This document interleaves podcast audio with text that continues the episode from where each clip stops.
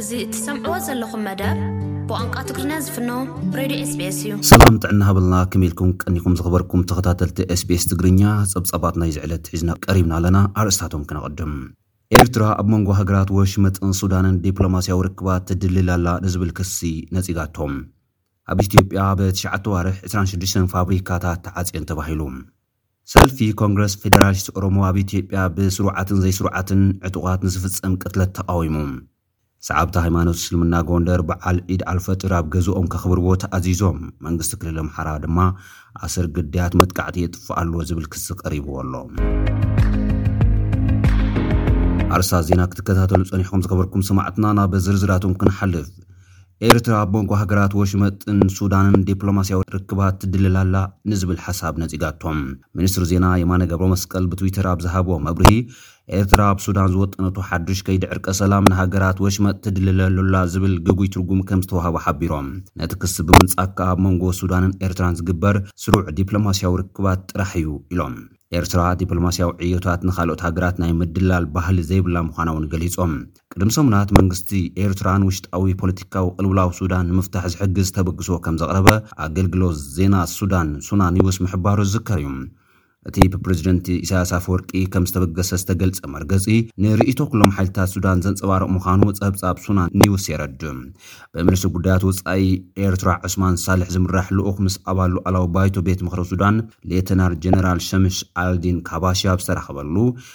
ብዛዕባ እቲ ተበግሶ ከም ዝተዘራረበ እውን እቲ ሓበሬታ ይሕብር።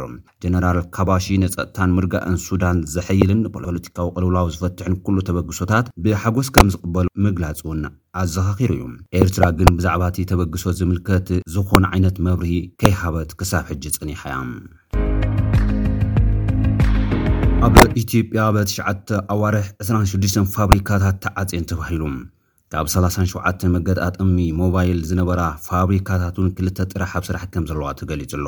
ማእኸል ምርምር፣ ልምዓትን ዘፈርን ኢንዱስትሪ፣ ማኑፋክቸሪንግ ቴክኖሎጂን ኢንጂነሪንግ ኣብ ትሽዓተ ኣዋርሕ ዕስራን ሽዱሽተን ፋብሪካታት ከም ዝተዓጽዋ ሓቢሩ ኣሎ።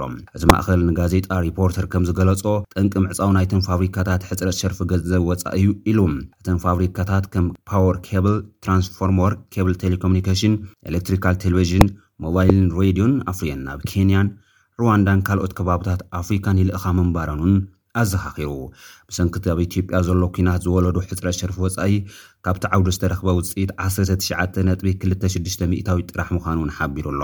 ብተወሳኺ ኣብ ምግጣም ሞባይል ይነጥፋ ካብ ዝነበራ ሰላሳን ሸውዓተን ፋብሪካታት፣ ሰላሳን ሓሙሽተን ብሰንኪ ኮንትሮባንድ ተዓጽየን ክልተ ጥራሕ ኣብ ስራሕ ከም ዝርከባ ገሊጹ ኣሎ። መንግስቲ ኢትዮጵያ ሸርፊ ወጻኢ ንምምሕያሽ ኣብ ቀረባ እዋን ዝወሰዶ መምርሒ ነቲ ጸገም ክፈትሖ ከም ዘይከኣለ'ውን ሓቢሩ። ኢትዮጵያ ኣብ ኣፍሪካ ካብ ሱዳንን ዚምባብዌን ቀጺላ ብምኽባር መሰረታዊ ቀረባት ወዲ ሰብ ትሳቐ ዘላ ሃገር ምዃና፣ ኣፍሪካን ቢዝነስ ኢንሳይደር ኣብ ቀረባ እዋን ምቅልሑ ዝዝከር እዩ። ሰልፊ ኮንግረስ ፌዴራሊስት ኦሮሞ ኦፌኮ ኣብ ኢትዮጵያ ብስሩዓትን ዘይስሩዓትን ዕጡቓት ዝፍፀም ቅትለት ተቃዊሙ መግለፂ ኣብ ኦሮሚያ ኣብ ወርሒ ሚያዝያ ኣብ ሰለስተ መዓልትታት ጥራሕ 280 ሰባት ከም ዝተቐትሉ ብምሕባር ድሕነት ንጹሃት ዜጋታት ናይ ምሕላው ግቡእ ዘይምውፃእ መግለፂ ውድቀት ናይቲ ስርዓት እዩ ኢሉ ኦፌኮ ዕጡቕ ፋኖ ንክልላትን ሃገርን ጠንቂ ምዝራግ ሰላም ይኸውን ኣሎ ዝብል ክሲ ዘቕረበ ኮይኑ፣ ኣብ ጎንደር ኣብ ልዕሊ ኣመንቲ እስልምና ዝተፈጸመ ቅትለት እውን ኮኒኑ ኣሎ። ሓዱሽ መግለጺ ኦፌኮ፣ ሓይልታት መንግስቲ፣ ኦነግ ሸኔ ዝብል ስም ንዝጠቅዕሉ ሰራዊት ናጽነት ኦሮሞ ንምጥፋእ ካብ ዓለም ዝተኸወለ ኲናት ኣብ ምሉእ ኦሮሚያ የካይዱ ኣለዉ ዝብል ክሲ ኣቕሪቡ ኣሎ።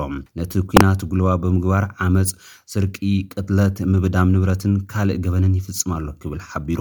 ኣብ ቀረባ እዋናት ድማ መንግስቲ ብድሮንን ሄሊኮፕተራት ውግእን ኣብ ልዕሊ ሰላማውያን ሰባት ዝነብርሉ ከባቢ ብዝፈጸሞ መጥቃዕቲ ሰላማውያን ዜጋታት ክቕተሉ፣ ክመዛበሉ፣ ንብረት ክዓኑ፣ ከም ዝተገብረ ሓቢሩ። ብሰሪ እዚ ከኣ ኣብ ወርሒ ሚያዝያ ጥራሕ ኣብ ሰለስተ መዓልታት ናብ ክልተ ሚእትን ሰማንያን ዝጽጉዕ ሰባት ከም ዝተቐትሉ ኣፍሊጡ። ኣብ ጎንደርን ደባርቕን ንሰዓብቲ ሃይማኖት እስልምና ዕላማ ዝገበሩ መጥቃዕትታት ከም ዝቃወም ዘፍለጠ ኦፌኮ፣ ኣብ ቀብሪ ኣብ ልዕሊ ሰዓብቲ እስልምና ብዝተፈጸመ መጥቃዕቲ ዝተቐትሉ ልዕሊ ዕስራ ሰባት ዝወለዶ ተቓውሞ ኣብ ዝተፈላለዩ ከባብታት ኢትዮጵያ እንትትካየድ ኣብ ክልል ደቡብ ኣብ ልዕሊ ኣብያተ ክርስትያናት ተመሳሳሊ መጥቃዕቲ ምፍጻሙ'ውን ከም ዝቃወም ገሊጹ ኣሎ። ኦፌኮ ኣብ ዘርግሖ መግለጺ፣ ብጽንፋውያን ዝድገፍ ዝበሎ ፋኖ ዝተባህለ ዕጡቕ ኣምሓራ፣ ነቲ ክልል ኮነ ንጎረባብቲ ክልላት ከምኡ'ውን ንሃገር ጠንቂ ሰላም ይኸውን ኣሎ ክብል ከሲሱ። መንግስቲ እቲ ክልል ንጡፍ ስጉምቲ ክወስድ ብዘይምኽኣሉ ከኣ፣ መንግስቲ ፌደራል ህጹጽ ስጉምቲ ክወስደሉ ጸዊዑ ኣሎ።